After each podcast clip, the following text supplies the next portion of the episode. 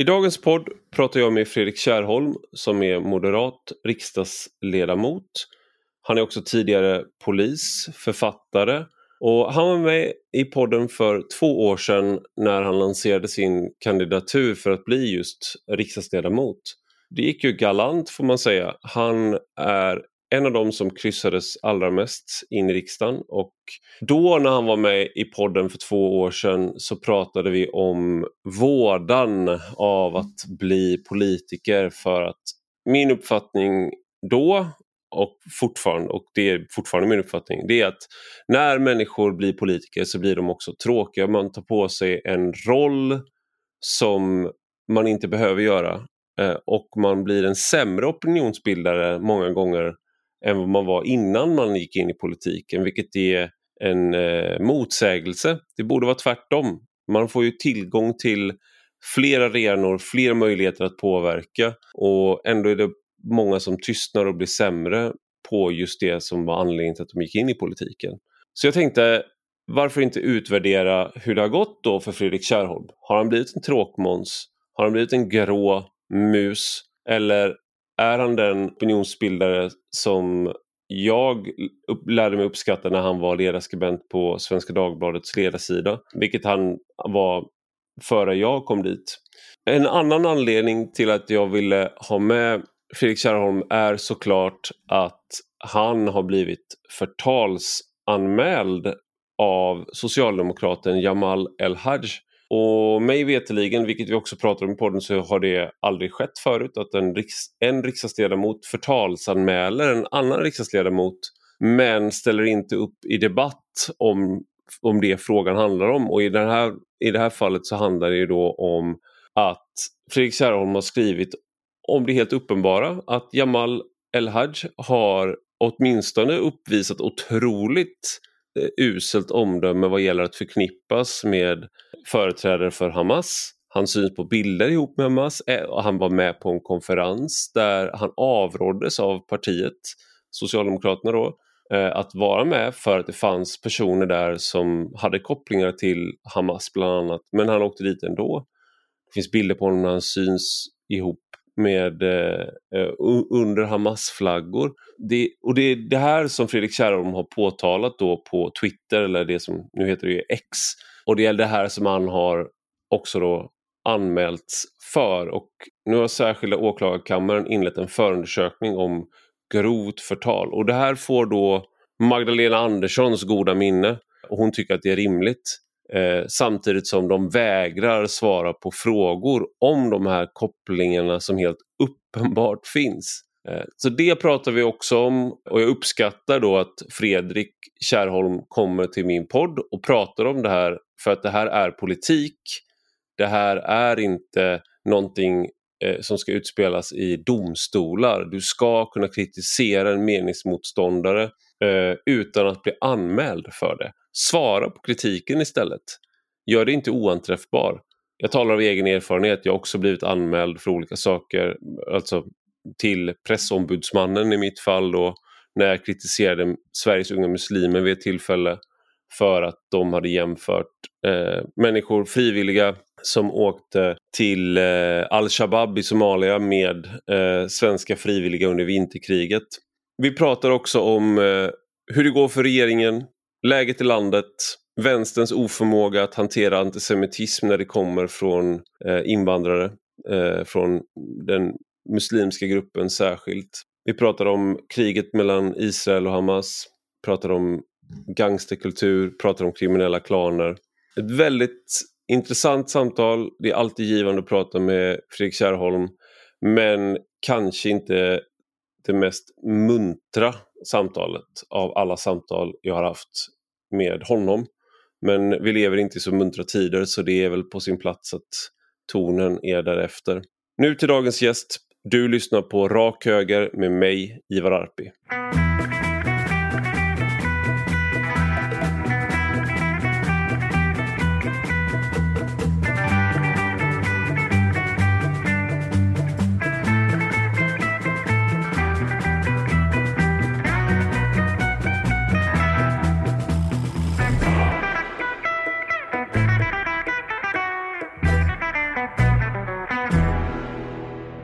Välkommen till Rak Höger, Fredrik Kärrholm. Tack så mycket. Välkommen tillbaka ska jag säga. När du var här senast, då var du kandidat till eh, att komma in i riksdagen för Moderaterna och nu, sen eh, blev du riksdagsledamot för Moderaterna. Så ett jätteförsenat grattis då i podden. Jag har gratulerat dig eh, i verkligheten. Men eh, ett år in nu då, hur tycker du att det har varit att sitta i riksdagen? Först och främst, tack så mycket för, det, för den, den, officiella och formella gratulationen, även om vi har hört eh, dessförinnan. Och det är ju en, alltså det är en enorm ära och förmån att få bli parlamentsledamot, ledamot av Sveriges riksdag. Men det var väldigt annorlunda jämfört med alla så att säga, normala arbetsplatser jag har kommit till. Utan det, jag skulle mer likna det vid att vara egenföretagare, som sagt, i en, i en form av branschorganisation. Mm.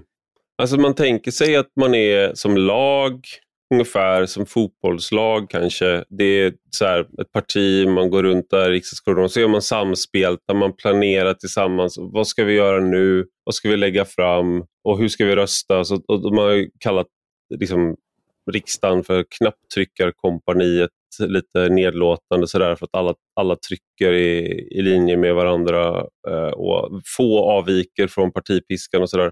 Men det här med att man är en, e, mer av en egenföretagare, det är ju en annan, en väldigt annorlunda bild av det arbetet.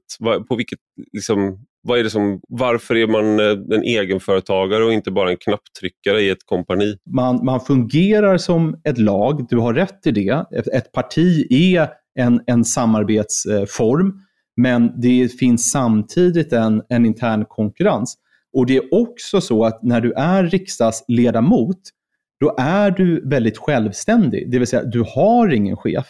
Sen är det som du säger att hela tanken med partierna är att du har då massa ledamöter som är politiskt intresserade, samhällsintresserade och tycker väldigt mycket i många olika frågor. Mm. Ehm, och Det enda sättet att, så att säga, åstadkomma någonting eh, är att gå samman och kompromissa med personer som tycker ungefär likadant. Ja, jag tänker också om man vill framstå som lite mer sofistikerad och smart, bara som ett, det finns ju olika genvägar till att framstå som det utan att göra någonting. En sak är att man inte säger till exempel att man inte gillar stora folkmassor. Det brukar funka. Det, det tycker många svenskar om att säga till varandra. En annan sån sak tycker jag det är att man säger att politiker är, att de är dumma, de är okunniga och de grälar istället för och liksom bråkar istället för att försöka komma överens. Kan man inte bara sätta sig ner och komma överens? Så jag tänkte fråga dig, nu när du är, är lite av en out, du är som, som jag har varit en, eh, skrivit opinionstexter och, och du har också varit politiskt engagerad tidigare, liksom haft inblick i det där, men nu är du ju verkligen en, en insider här.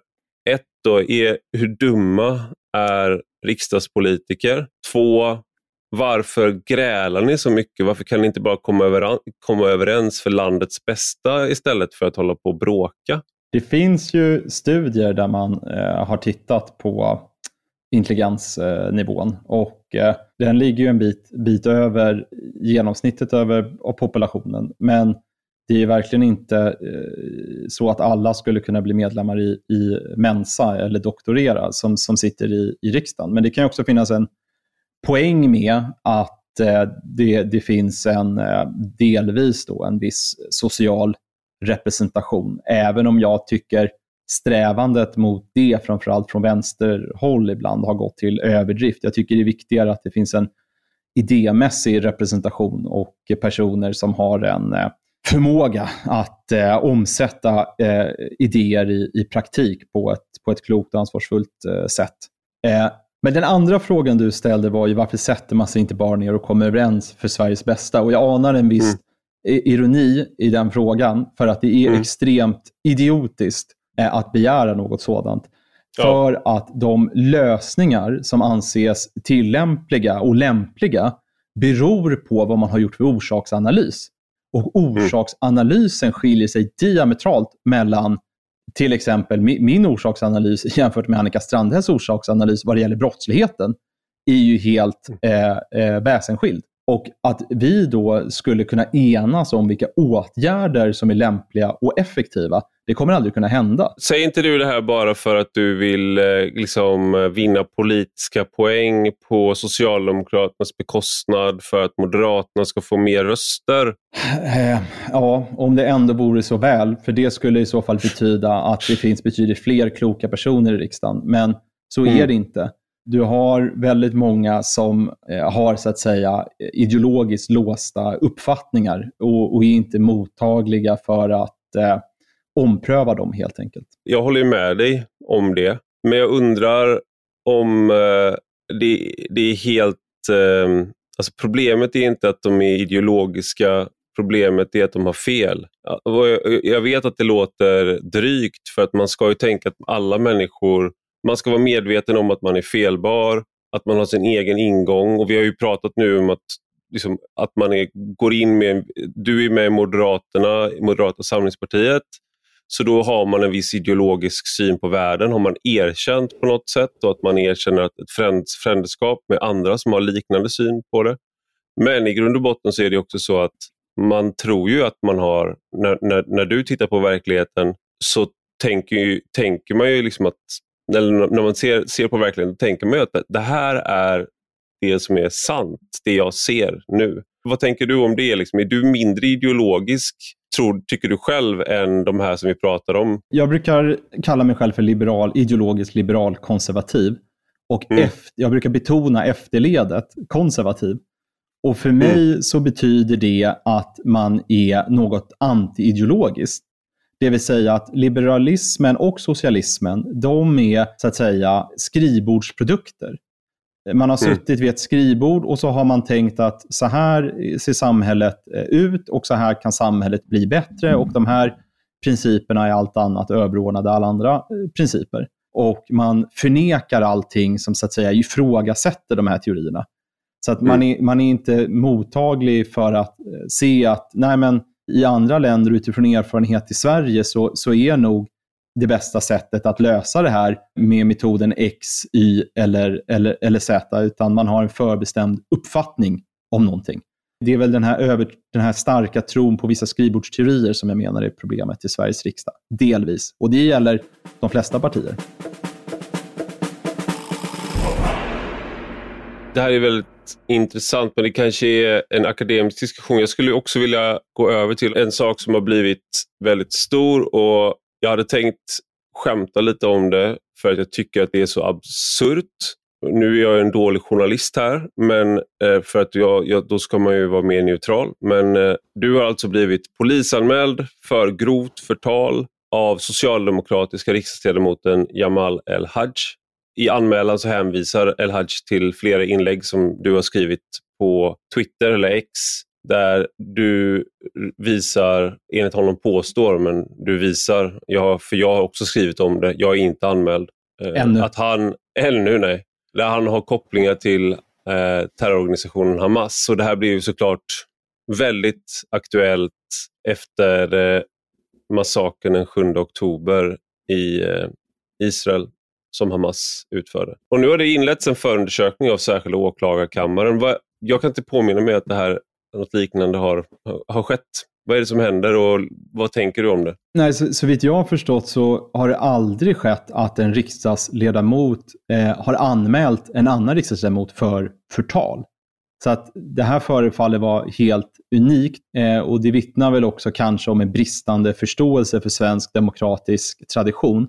För mig framstår den här anmälan som politiskt motiverad. Alltså att det ska drivas någon form av rättsprocess i syfte att skrämma eller tysta mig. Och Det brukar man ibland kalla för lawfare. Men jag kommer mm. alltså varken backa eller låta mig tystas. För det, precis som du också har skrivit, så finns det objektiva omständigheter här som bör påpekas. Och Då har jag mm. skrivit att eh, El-Haj har kopplingar till terrororganisationen Hamas och att han är en säkerhetsrisk. Och Det senare följer av det förra. då.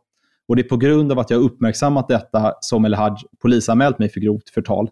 Det ska också sägas att jag mm. gjort en intervju i Svenska Dagbladet där jag hävdat detsamma och också krävt att Magdalena Andersson borde initiera ett uteslutningsärende mot honom. Mm. Men det har hon inte gjort och hon har ju dessutom försvarat hans anmälan, vilket jag också tycker är anmärkningsvärt.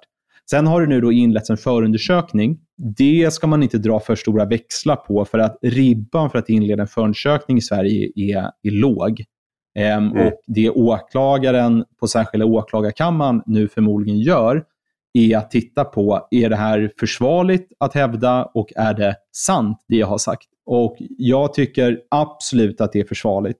För att eh, den här typen av allvarliga saker om en politiker måste kunna sägas. Det är också sant. och den som inte har hängt med här, så det finns ju flera saker att påpeka.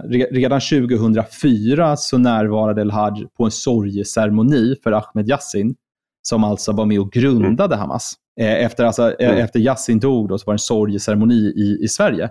Och Hamas är en organisation som inte bara använder terrordåd mot civila som medel, utan vars mål är att utrota Israel och judarna. Mm. Det, är sån där, det är en sån där liten detalj som ofta försvinner. Det, det, och, och där eh, det, det är så långt, deras mål är så extrema med våra mått mätt.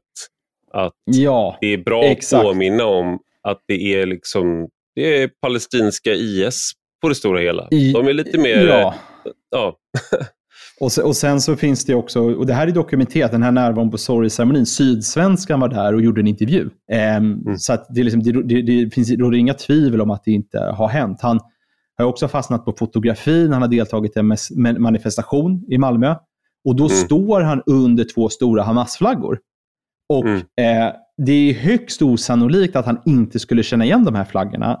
För att för honom, med tanke då på hans långa engagemang i den här eh, Israel-Palestina-konflikten, så borde det vara lika enkelt att identifiera de här flaggorna som för gemene svensk att eh, omedelbart identifiera stora röda nazistflaggor med svarta hakkors. Mm. Eh, och att, att Han är palestinier kvar... själv, alltså svensk palestinier då, så det finns inte på kart. Det är ungefär som att inte kunna känna igen svenska, liksom danska flaggan då, eller skånska och, och, och, flaggan eller någonting. Ja, E, exakt, visst. Men sen vill jag vara tydlig med liksom att kritiken här handlar inte på något sätt om att han är palestinier. Men det, det förstår vi, men jag bara anföra det till protokollet. Utan mm. hade det varit så att du hade gjort det här så hade mm. jag varit precis lika kritisk. Utan det handlar om handlingarna här. Ja, och Sen är det mer saker, delat desinformation i sociala medier och, och sen senast då den här konferensen i alltså Malmö. Det är det, det är det som är, alltså att han har gjort det. Ja, exakt. Ja. Och sen, och sen senast här då, ja, eller för sig den här des, desinformationen har jag delat nu under den pågående konflikten.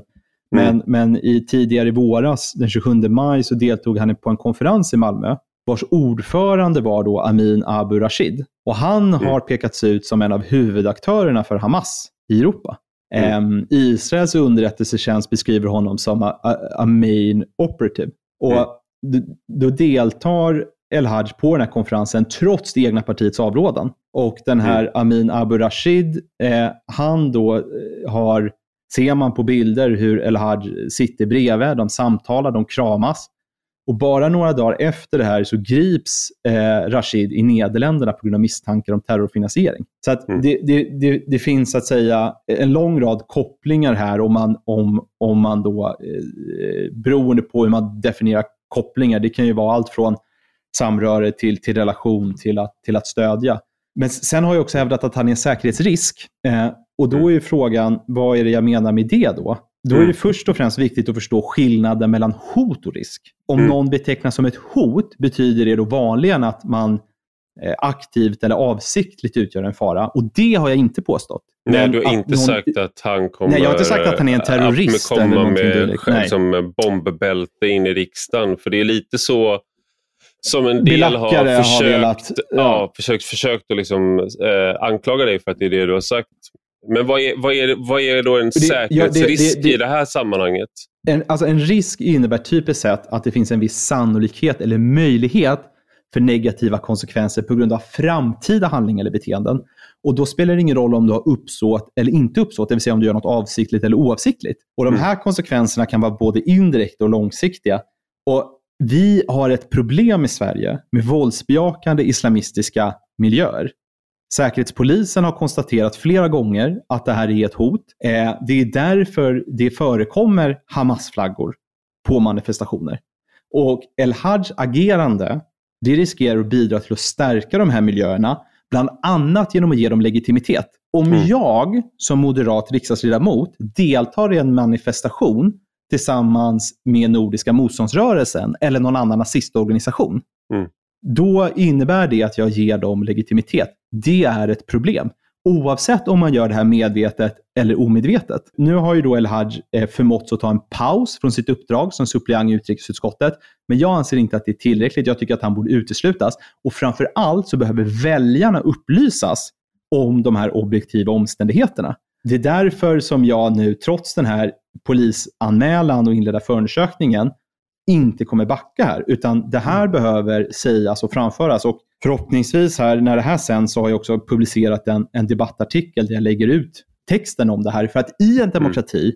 så måste det här kunna framföras och debatteras öppet. Mm. Eh, och det Jamal gör, att han polisanmäler och sen duckar all media, det är inte så vår demokrati kan fungera. Jag tänker också att det, eh, det var ju när i partiledardebatten för några veckor sedan så, så kom det här ju upp då och då sa Magdalena Andersson att citat då Jamal El-Haj har ägnat hela sitt politiska liv åt att kämpa mot Hamas. Då är ju frågan varför ju, man hamnar ju, på... Det, det, är ju kvalificerat skitsnack. Det, det, det är liksom inte ens eh, kvalificerat. Alltså det, det, är så här, det är ju en lögn.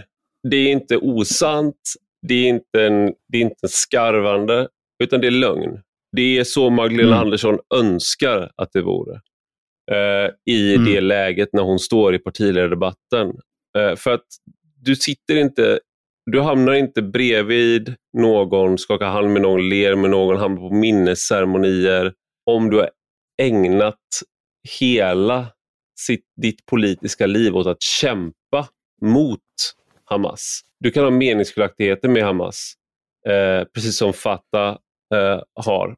Uh, liksom, men det, det finns, det finns liksom, men, men du, du kämpar eh, inte mot någonting definitionen av det är lite skarpare än det beteendet. Sen så är det också något som jag tyckte var ehm, Per Lindgren som är tidigare jobbade för Moderaterna men eh, driver god ton ihop med Hanif Bali. Han påpekade på Twitter just att tänk att vara en riksdagsledamot som vikt hela sin politiska gärning åt att bekämpa Hamas och så bryter ett krig ut emot just Hamas och hela världen diskuterar just detta krig och frågorna runt det. Men så lyckas man inte synas i media en enda gång för att kommentera det som sker. Och Det är då såklart raljant skrivet om, om eh, Jamal El-Haj, men det är intressant att du, liksom någon då som Magdalena Andersson, som är vår tidigare eh, statsminister, beskriver som har kämpat hela sitt mm. politiska liv mot Hamas. Är, han är frånvarande i den mediala diskussionen nu. När då hans profilfråga diskuteras. Någonting, han gick emot sitt eget parti för att vara med på den här konferensen. Eh, och sen och, eh, hanterar de det när det här tas upp att det här är faktiskt helt förfärligt. Det här är helt uppåt väggarna. Här behöver vi veta vad den här människan tycker och tänker om de här frågorna. Då är han borta och han tas bort. Då blir det time-out, vilket ju liksom är en väldigt märklig sak egentligen. För det man hoppas på är ju att folk ska glömma och gå vidare, vilket liksom ibland lyckas. Men det är ju inte ett sätt att utkräva ansvar eh, på något sätt, det är tvärtom. Och istället mm. så polisanmäler man då dig som ska vara någon slags, eh, för att eh, statuera ett exempel på, få, försök inte få oss att svara på någonting. Då mm. anmäler vi dig. Och, och, det är ju ett modus operandi som inte är helt obekant från vänsterhåll. Eller för den delen från, från islamister. Ann-Sofie Hermansson hamnade i en rättsprocess om förtal i, i, i Göteborg. Och det finns gott om exempel på hur socialdemokrater har anmält eh, moderater eh, när det handlat, det har ju handlat om allt möjligt, när det har privatiserats eh, hyresrätter och, och, och, så vidare. Men, mm. men man kan ju också notera att liksom, den här den, den enda nämnvärda kritiken mot Hamas från El-Haj har kommit efter då han har blivit kraftigt ifrågasatt. Mm. Och då, är, eh, då hade man ju kunnat tänka sig att han skulle fördöma Hamas extremt kraftfullt. Men det har han inte gjort. Utan den här kritiken har ju varit ytterst försiktig och närmast pliktskyldig. Det är så jag uppfattar den. Och den här, som Magdalena Andersson hävdar då, liksom den största motståndaren mot Hamas, han har skrivit eh, ungefär 100 motioner i Sveriges riksdag innan mm. den här liksom stora kritikerstormen mot honom så nämnde han Hamas i en motion. Och då skriver han att eh, Hamas har inte främjat eh, fred och demokrati i Gaza. Mm. Eh, och, och, jag menar, om, ja, om, om, rätt du, om, om jag ber dig, ja det har han rätt i, men om jag ber dig liksom, eh, vad, vad, vad, vad, tycker du om Hitler? Mm. Om du då säger, ja, han, han främjade inte fred och demokrati för den tyska befolkningen. Nej, han, han, ja, precis. Ja.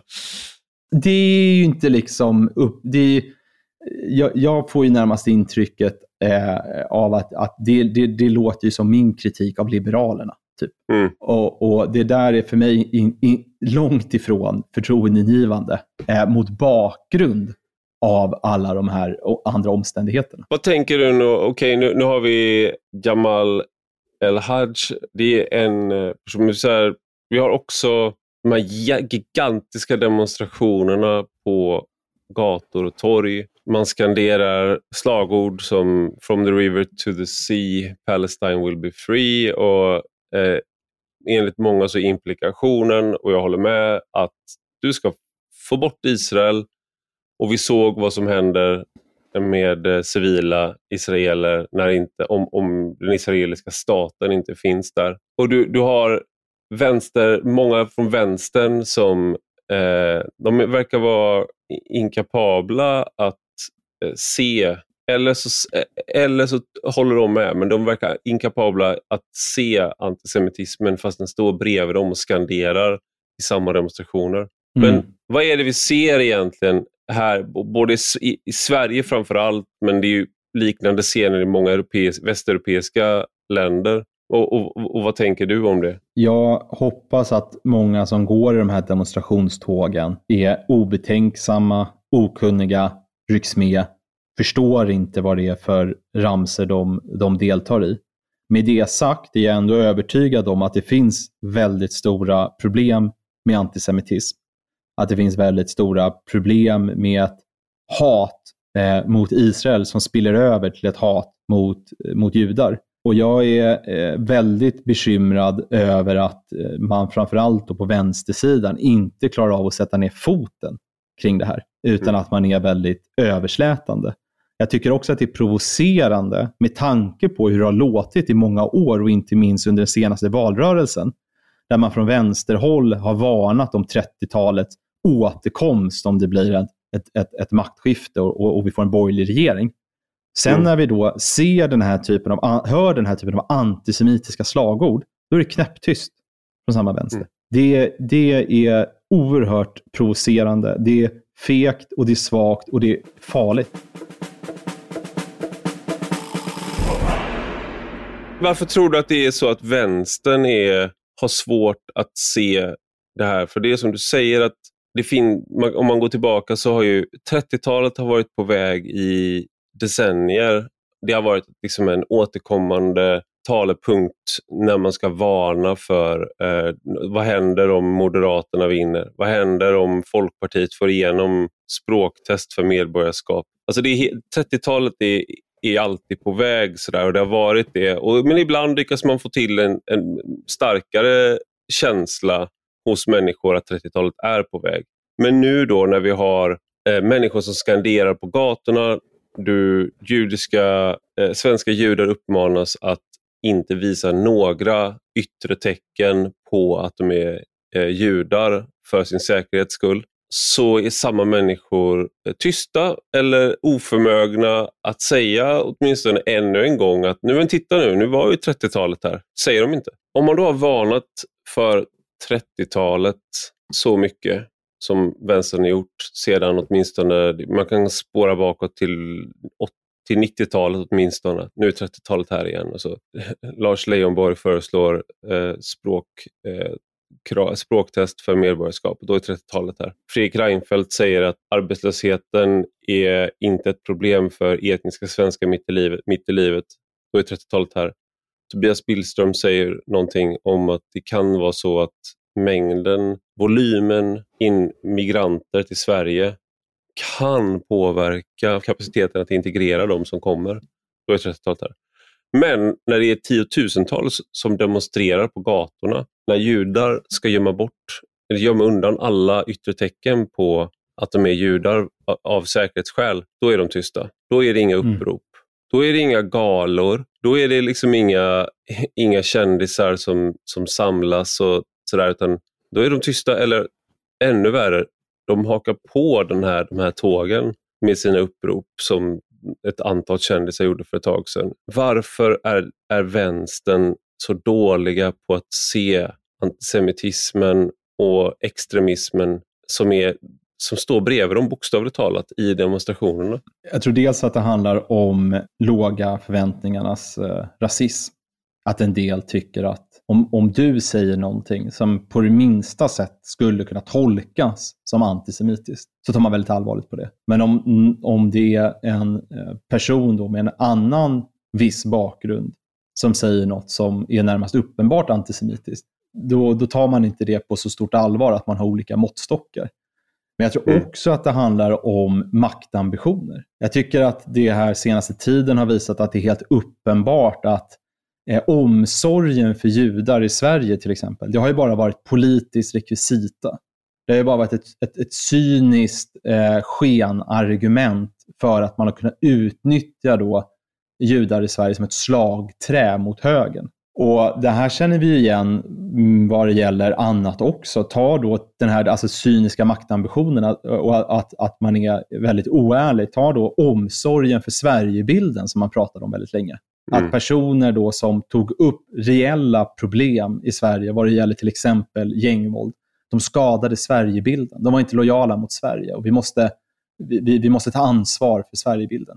Sen så fort man förlorade makten så började man tala om att Sverige har blivit fattigare och farligare. Mm. Det handlade aldrig om någon omsorg för Sverigebilden. Det handlade bara om de egna maktambitionerna. Och mm. det är uppenbart nu att det handlade aldrig om någon omsorg för judarna. Det handlade återigen bara om de egna maktambitionerna. Och nu har man stora delar av sitt väljarunderlag som eh, demonstrerar och sluter upp i vissa slagord och man är väldigt rädd för att kritisera det här, för då kan man stöta bort väljare. Jag tror tyvärr att det är en viktig förklaring.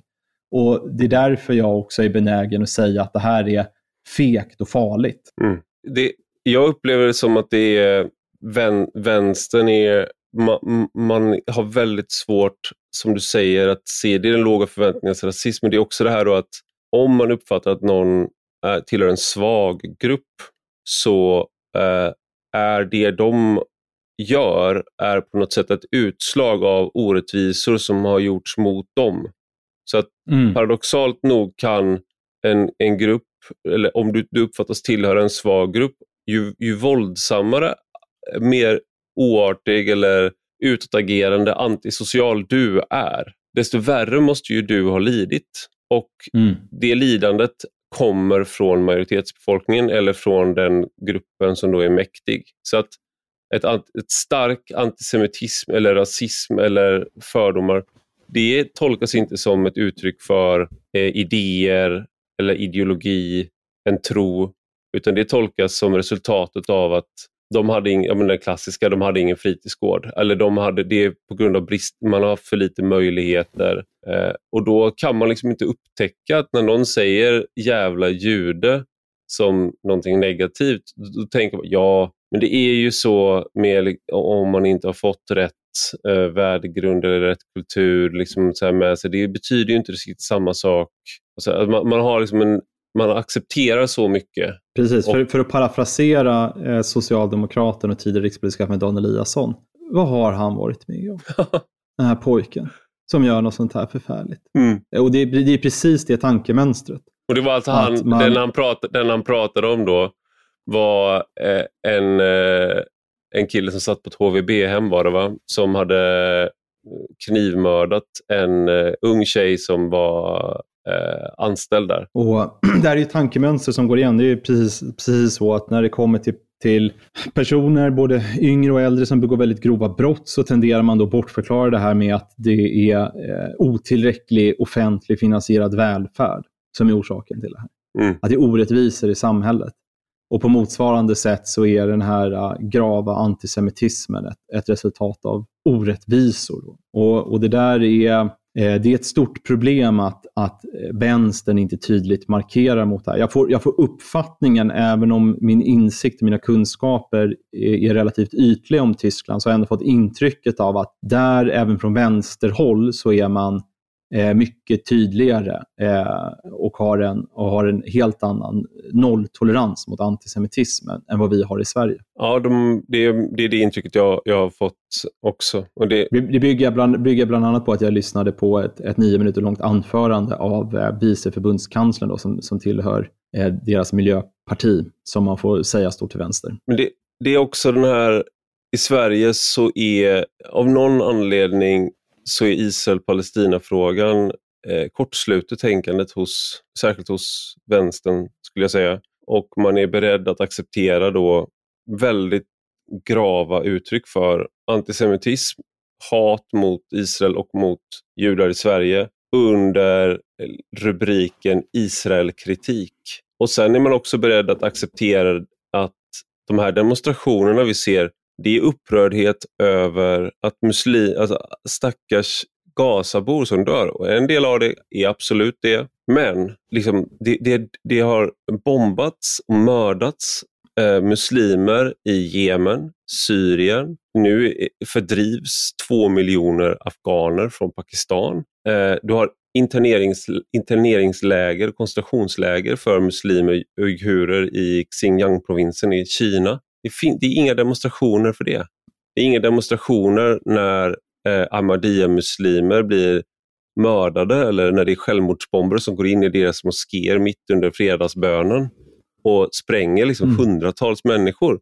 Det sker inte. Nej. Däremot när Israel gör någonting, när, när någonting sker där, så blir det stora demonstrationer. Det är heller inga demonstrationer som säger nu måste Egypten öppna gränsen och ta emot den human och släppa in humanitär hjälp och ta emot flyktingar. Det är ingen som säger det heller. Jordanien måste ta sitt ansvar, Libanon, Syrien. Det är ingen som säger det. Men allt Israel krävs på att göra eh, saker som jag skulle säga att ja, hade det varit Ukraina som krävdes på att de ska försörja södra Ryssland med mat, vatten och el samtidigt som de försvarar sig, alltså som de krigar mot Ryssland det, det, det faller på sin egen orimlighet. Ingen skulle kräva något sånt. Men det är det man gör av Israel. att De ska kriga, men de ska också vara humanitära änglar. Det går inte. Det här var ingen mm. fråga.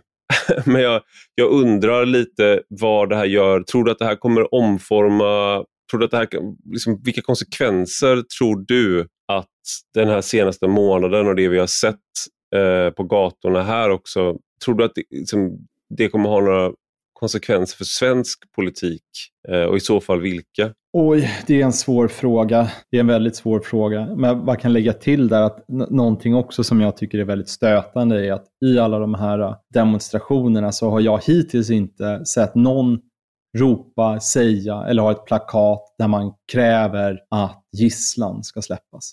Nej. Att Hamas ska släppa gisslan. Att Hamas ska lägga ner vapnen. Ingenstans mm. har jag sett någon sån skylt. Däremot så har jag sett filmklipp, och det är i och för sig inte från Sverige, jag tror att det var från London, där någon går med ett sånt plakat eh, som kritiserar Hamas. Jag tror det står att, står att Hamas är terrorister på engelska, står på plakatet. Vederbörande blir ju då påhoppad av, av flera personer som mm. reagerar väldigt aggressivt eh, mm. på det här plakatet. Jag, jag, jag, tror att väldigt många i, i Sverige blir eh, oroliga, med rätt rätta för eh, eh, antisemitism som framkommer här nu.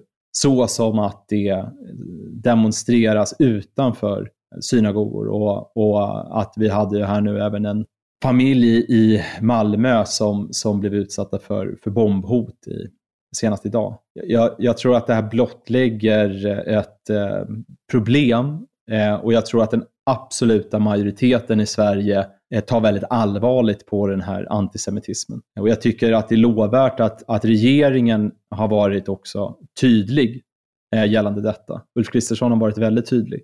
Um, och jag, jag tror att lösningen när det kommer till att minska antisemitismen i samhället handlar nog mindre om att, så att säga, tillföra några formella regelverk och mer om attityd och sätta ner foten. Men, men det, som, det som gör mig orolig är ju att Magdalena Andersson och, och på vänstersidan så har ju ledande politiker inte ännu markerat tydligt. Men, men mm. jag hoppas väl att det kan uppstå ett tryck från väljarkåren som gör att de känner sig tvungna att göra det. Det, det kanske är en naiv förhoppning. Ja, jag, jag, vet inte. Jag hoppas som du, men jag, jag undrar hur väljarunderlaget eh, eh ser ut där, lite som vi var inne på eh, tidigare. Jag tänker en sak som har försvunnit i bruset, eh, eller bruset, men i, i, i den senaste månadens nyhetshändelser, det är ju terrordådet i Bryssel som riktar in sig mot svenskar och rådet att inte visa att du är svensk utomlands. Att svenskar i egenskap av svenskar är måltavlor eh, för terrorister. Och Det kom ju också efter en LVU-kampanjen som har satt liksom, fokus på Sverige. Det kommer efter koranbränningar eh, som eh, liksom har satt fokus på Sverige och som höjdes eh, terrorhotsnivån till en fyra på en femgradig skala. Och mm, Det här tänker jag är på något sätt första gången som jag kan minnas där svenskar kanske kan förstå en, eh, vad det kan innebära att vara eh, judisk i bemärkelsen att det ska inte framgå. Du ska gömma undan din nationalitet, din identitet, vem du, var du kommer ifrån och sådär, för, av mm. säkerhetsskäl. Jag jämför inte nivån av hot, men det är en, en aning om, om vad det är. Och jag, jag tänkte att det har försvunnit så mycket att det är lite konstigt egentligen. Vi har inte, vi har inte haft någon ceremoni för dem som blev mördade. Vi har inte, det har inte blivit större debatt Nej, och det, det jag tycker är väldigt jag tycker det är olyckligt är att, det, att det, det, det hade behövts en större debatt. Och eh, med, med, risk för att låta som, för mycket som en, en, en moderat politiker så, så vill jag ändå hävda att det hade nog blivit en större debatt eh, om det här om det var så att Moderaterna hade styrt de senaste åtta åren. Då hade det, mm. tror jag, i en högre grad riktats ett ansvarsutkrävande mot de som under två mandatperioder har styrt när de här problemen har eh, vuxit väldigt kraftigt. Med mm. det sagt så var det inte så att problemen dessförinnan var obefintliga. Eh, det, det är tydligt att de har blivit eh, väsentligt mycket värre de senaste, de senaste två mandatperioderna. Och för det här, de, här problemen, de här problemen beror ju inte på ett oväder som av en slump har dragit in över Sverige. Alla mm. de här problemen beror Storm, på... Stormbyn Mohammed som drog in. Det, det är en konsekvens av politiska beslut och en politisk oförmåga att i ett tidigt skede hantera problem. Mm. Som, som då har tillåtits eh, vux, växa allt för stora. Jag tycker det där är också, en, går in i det här klassiska där man säger vi har varit naiva eller vi såg det inte komma. Det här klassiska försvaret av varför man inte agerade i tid. Som Stefan Löfven har sagt Magdalena Andersson och borgerliga politiker också för den delen. Men här finns det en, en konstig sak att de som ser det komma i Sverige, de är inte människor man sen tackar eller kanske tänker att ah, det, om, om, om den här personen hade rätt om det då, vad, vad är det i den personens analys som gör att man har fått rätt flera gånger? Utan mm. ofta är det så att man säger att anledningen till att det här nu har skett och att det har blivit dåligt, mm. det är för att ni hade för dålig attityd, ni som varnade. Ni, var inte, ni, visade, ni, var, ni bjöd inte till. Det blev tråkig stämning på grund av er. Eh, och Därför har vi inte lyckats med integrationen, därför har vi inte lyckats med mångfalden. Därför blev det islamisterna arga. Det är för att ni har varit eh, o, otrevliga i tonen. Eh, så då blir det så att även om man har haft rätt om, någon, om att se det komma så att säga. Eller att man har sett att om vi inte hanterar det här problemet nu så kommer det här ske sen. Och mycket riktigt inträffar det. Då kommer inte mm. de sen eh, som säger vi såg det inte komma eller vi har varit De säger inte ah, ursäkta att jag, att jag inte lyssnade. Utan de säger det var ditt fel. Det var inte, så det är inte bara så att du, du såg det komma utan du såg det komma och det var du som framkallade det genom att du, genom att du påtalade det. det. det. finns en sån dynamik här som är närmast religiös. Att det är så att säga klassisk syndabox eh, här. Det, det, där, ja. där, måste jag, där, måste, där måste jag ändå säga att det där har jag inte eh, uppfattats så tydligt eh, eller att det kommer i, särskilt brett. Att, att det, de, de som har varnat, personer som du bland annat, eh, personer som jag som har varit, var väldigt tidigt ute och, och kritiska mot eh, en, en för generös migrationspolitik, en för slapp eh, kriminalpolitik eh, och, och mycket annat jag upplever inte att jag åtminstone har blivit beskylld för att, så att säga, ha orsakat problemen, utan jag, jag hör framförallt att det främsta, eh, främsta eh, vanligaste försvaret är att hävda att eh, nej, men det här är ingens fel, utan vi har alla ett ansvar. Och så, som du då ställde en ironisk fråga här, att nu, nu måste vi sätta oss ner tillsammans och lösa det tillsammans.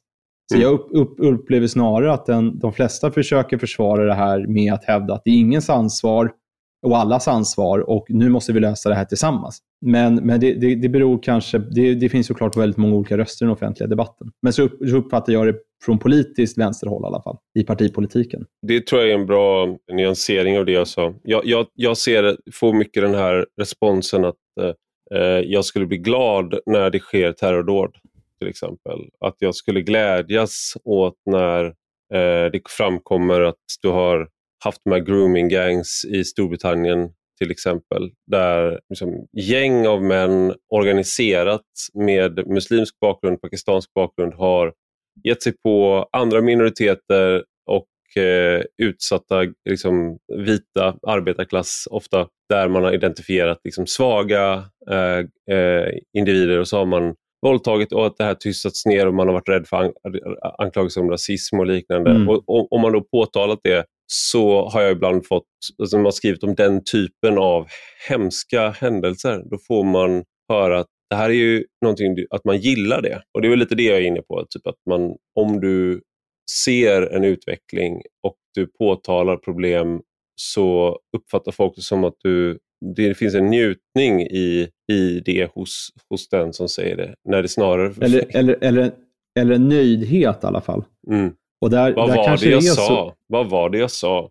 Eh, mm. Ungefär att man skulle sitta där och mysa och må. Men för mig är det, och det tror jag, det uppfattar jag att det var därför eh, du gav dig in i politiken, att man får en växande känsla av att det är angeläget att försöka påverka medan på det sätt man kan och att man vill göra allt man kan för att göra, göra det bättre. Jag anledningen till att jag gav mig in i politiken, och det tror jag vi pratade om för ett år sedan när vi samtalade, det var ju att jag opinionsbildade ju i över tio års tid för en väsentligt tuffare eh, straffrätt, för mm. en väsentligt mer skärpt migrationspolitik. Och när Moderaterna mellan 2018 och 2021 la om sin politik, eller så att säga återgick till en klassisk moderat eh, politik på de här områdena, ehm, då upplevde jag att nu finns ju ett möjlighetsfönster för att det jag opinionsbildats för faktiskt ska realiseras, att det ska bli verkligt. Och då ville jag vara en del av det laget för att också vara med och kunna förverkliga det på bästa sätt. Mm. För att detaljer är ofta viktiga i det politiska hantverket. Och där eh, har jag nu redan efter det här året känt att jag har haft mycket att bidra med, med min sakkunskap i de här frågorna, för att se till att, att vässa politiken så, så mycket som möjligt.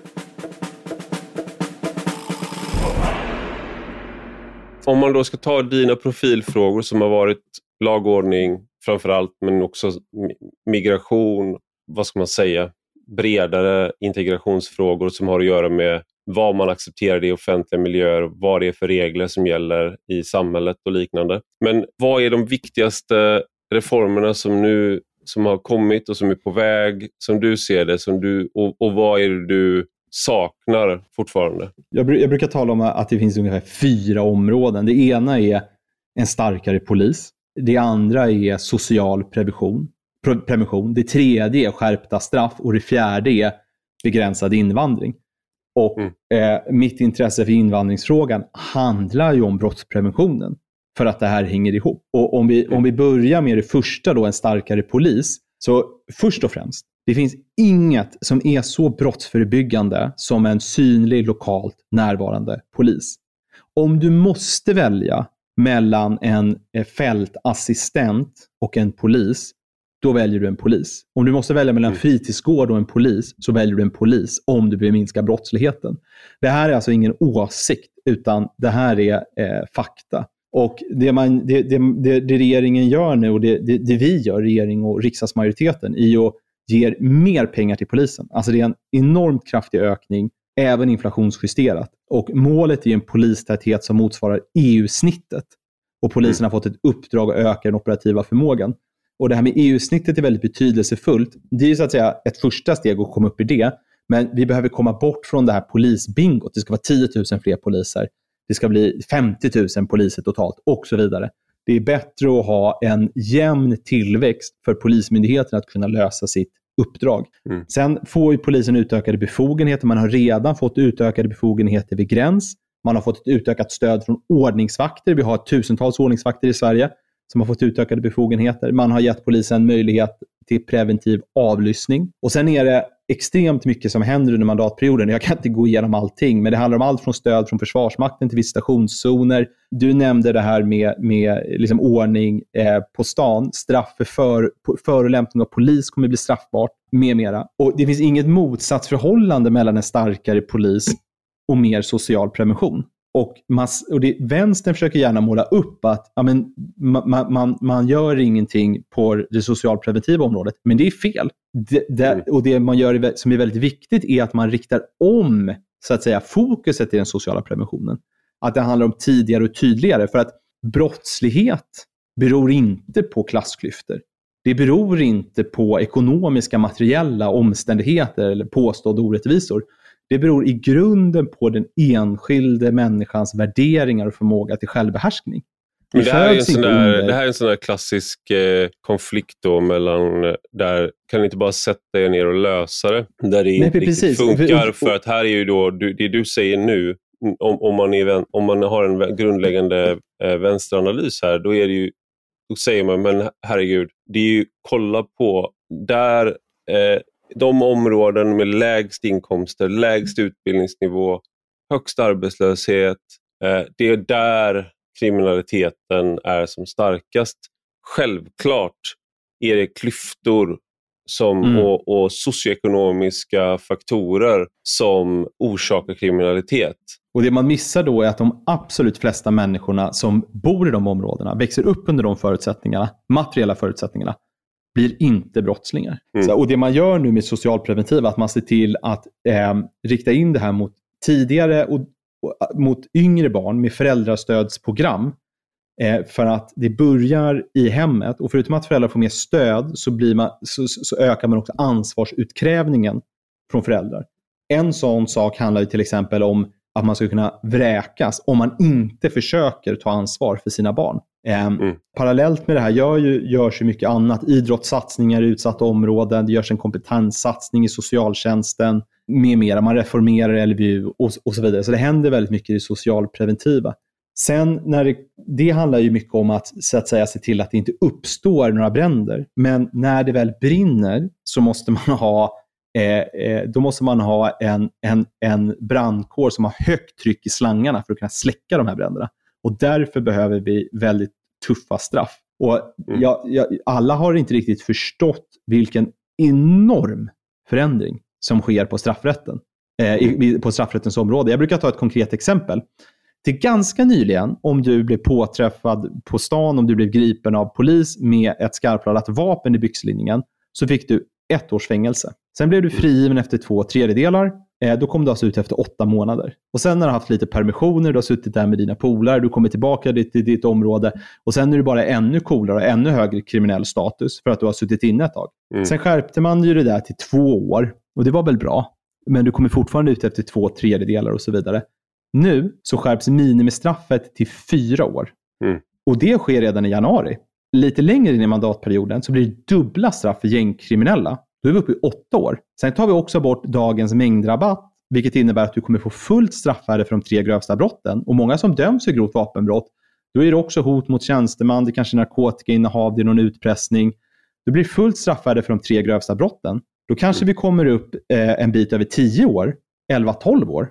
Sen inför mm. man också upprepad brottslighet som en försvårande omständighet. Ta bort den automatiska förtidsfrigivningen, så du kanske döms till 12 eller 14 år. Och sen får du dessutom avtjäna det fängelsestraffet i en cell i Litauen. Mm. Det är en enorm skillnad jämfört med de här korta straffen vi fram till nu har haft. Och då finns det många kriminologer som säger att eh, ja, ja, okej, okay, den här inkapaciteringen funkar väl såklart, för då kan de inte begå brott, men, men, men det, det, det hjälper inte till att förebygga annan brottslighet och det finns så många som vill ta deras plats och så vidare. Men jag är övertygad om, och det här är förvisso ett antagande, att det kommer att få en avskräckande effekt. För istället för att de här kriminella kommer tillbaka och är kaxiga, så försvinner de under så lång tid att de blir bortglömda. Och yngre personer kommer se att brottslighet inte lönar sig. Och att just angripa grovt vapenbrott är väldigt effektivt för att det är lätt att klara upp. Så att säga, om, om du påträffas av polis med vapen på dig, pang bom, brottet är uppklarat. Och sen kan vi låsa in dem under lång tid och kasta bort nyckeln. Sen när det kommer till invandringen, den fjärde delen, om vi har då polis, socialprevention, straff, så invandring den fjärde delen, så är det också jätteviktigt för att mycket av de brottsproblem vi har i Sverige när det kommer till sexualbrottslighet och när det kommer till gängkriminalitet och annan organiserad brottslighet, definitivt kriminella klaner, så finns det en, en, eh, ett tydligt orsakssamband att det här beror på eh, att vi haft en för hög invandring. Eh, med den här höga invandringen så har klaner etablerat sig. Det har uppstått utanförskapsområden med gangsterkultur. Där har vuxit fram eh, gäng eh, och det har blivit, uppstått en våldskultur. Och Det enda sättet att lösa det här problemet är att skapa en social stabilitet och det kommer ta lång tid. Men att bryta ner den här gangsterkulturen och mm. skapa ett välordnat samhälle. Och Det enda sättet att lyckas med det är att minimera invandringen och se till att utvisa personer som har någon koppling till gängkriminalitet, som är säkerhetshot och även stimulera återvandring av personer som inte vill bli en del av det svenska samhället. Men jag skulle bara säga det där, där med, med, klan, med klanerna är en delvis, jag tänkte komma in på det för att gängkriminaliteten är spektakulär i, i, i vissa bemärkelser. Att det skjuts, det sprängs, folk dör, det är våldsamt. Klanerna är lite annorlunda. Där finns det klaner som helt och hållet är en del av samhället. Ja. Eller till väldigt stor del. Och de är mm. välordnade. De, det är människor som vi jobbar med dem. Eh, de äger restaurangerna vi äter på.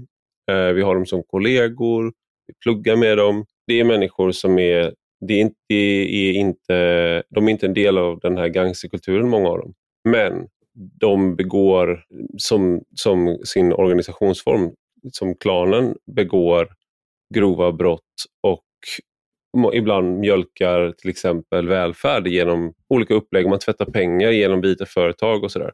Och här är det ju, uppfattar jag det som att det finns en, den här svenska naiviteten att folk tror på att vi är, vi är inte ett korrupt land, vi litar på varandra och, och sådär. Man får inte misstro. Men om du till exempel skulle fråga en italienare så här, eh, du, finns det problem med maffia eller camorran i, i Italien? så skulle de säga, eh, de skulle veta ibland vilka restauranger, vilka ställen, var, vilka människor. Alltså det är inte allting, men du har koll.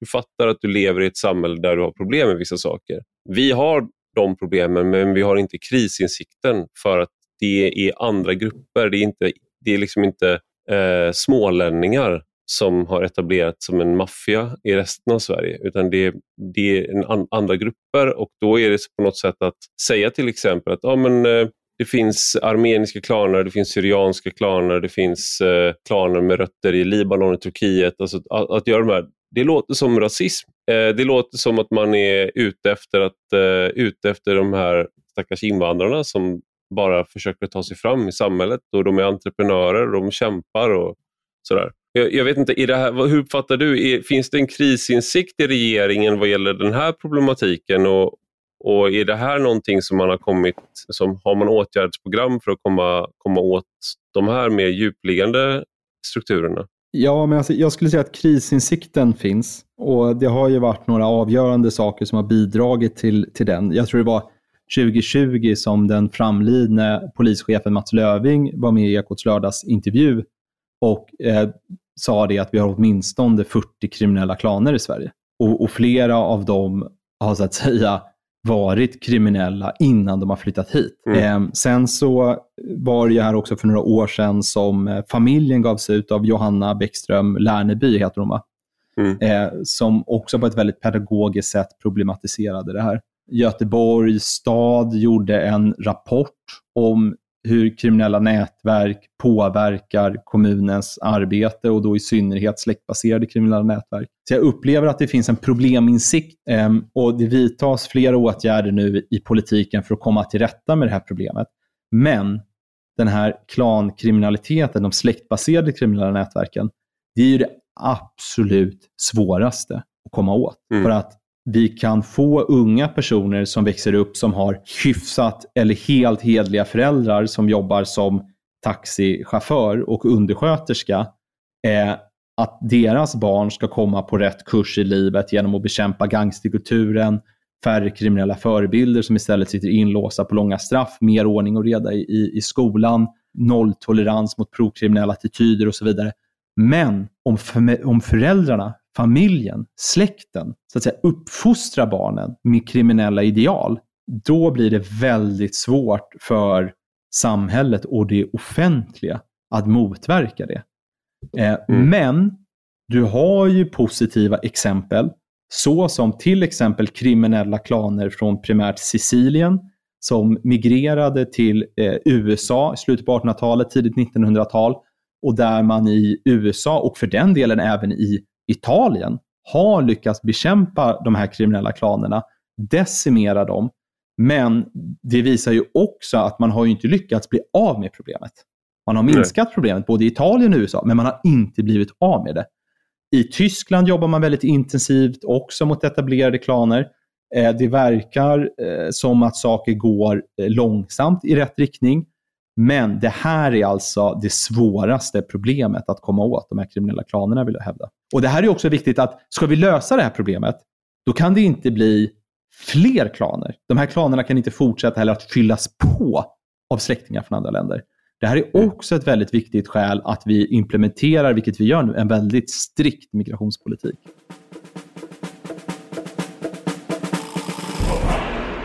Vi pratade ju för ett år sedan och någonting som jag eh, tänkte på var ju att väldigt många politiker blir gråa knapptryckare och tråkiga.